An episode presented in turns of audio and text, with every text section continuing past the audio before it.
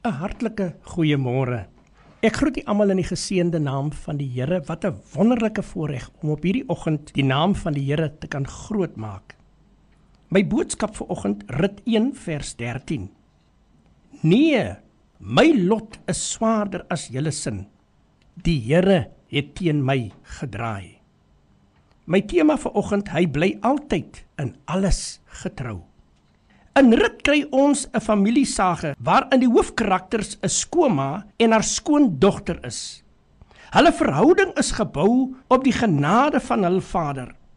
So 'n band word self in moeilike omstandighede nog hegter. Naomi was nadat sy haar man en seuns aan die dood afgestaan het, op pad terug na haar volk, hul kultuur en lewenspatroon. Sy was oortuig dat die Here teen haar gedraai het. Sy keer terug na 'n bekende plek, juis vir 'n nuwe begin met haarself en met God. 'n Nuwe verhouding met ander. Dis mos hoe ons ook soms voel dat hy teen ons gedraai het. Maar liewe luisteraar, hy is getrou. Ons wonder dikwels kan die gebrokenheid van gister vandag se genesing bring? Of kan gister se lyding en pyn vandag se vergifnis wees? Ons kan net positief antwoord as sy redding ons werklikheid is. Vergifnis kom van God. Dit bring vrede en genesing.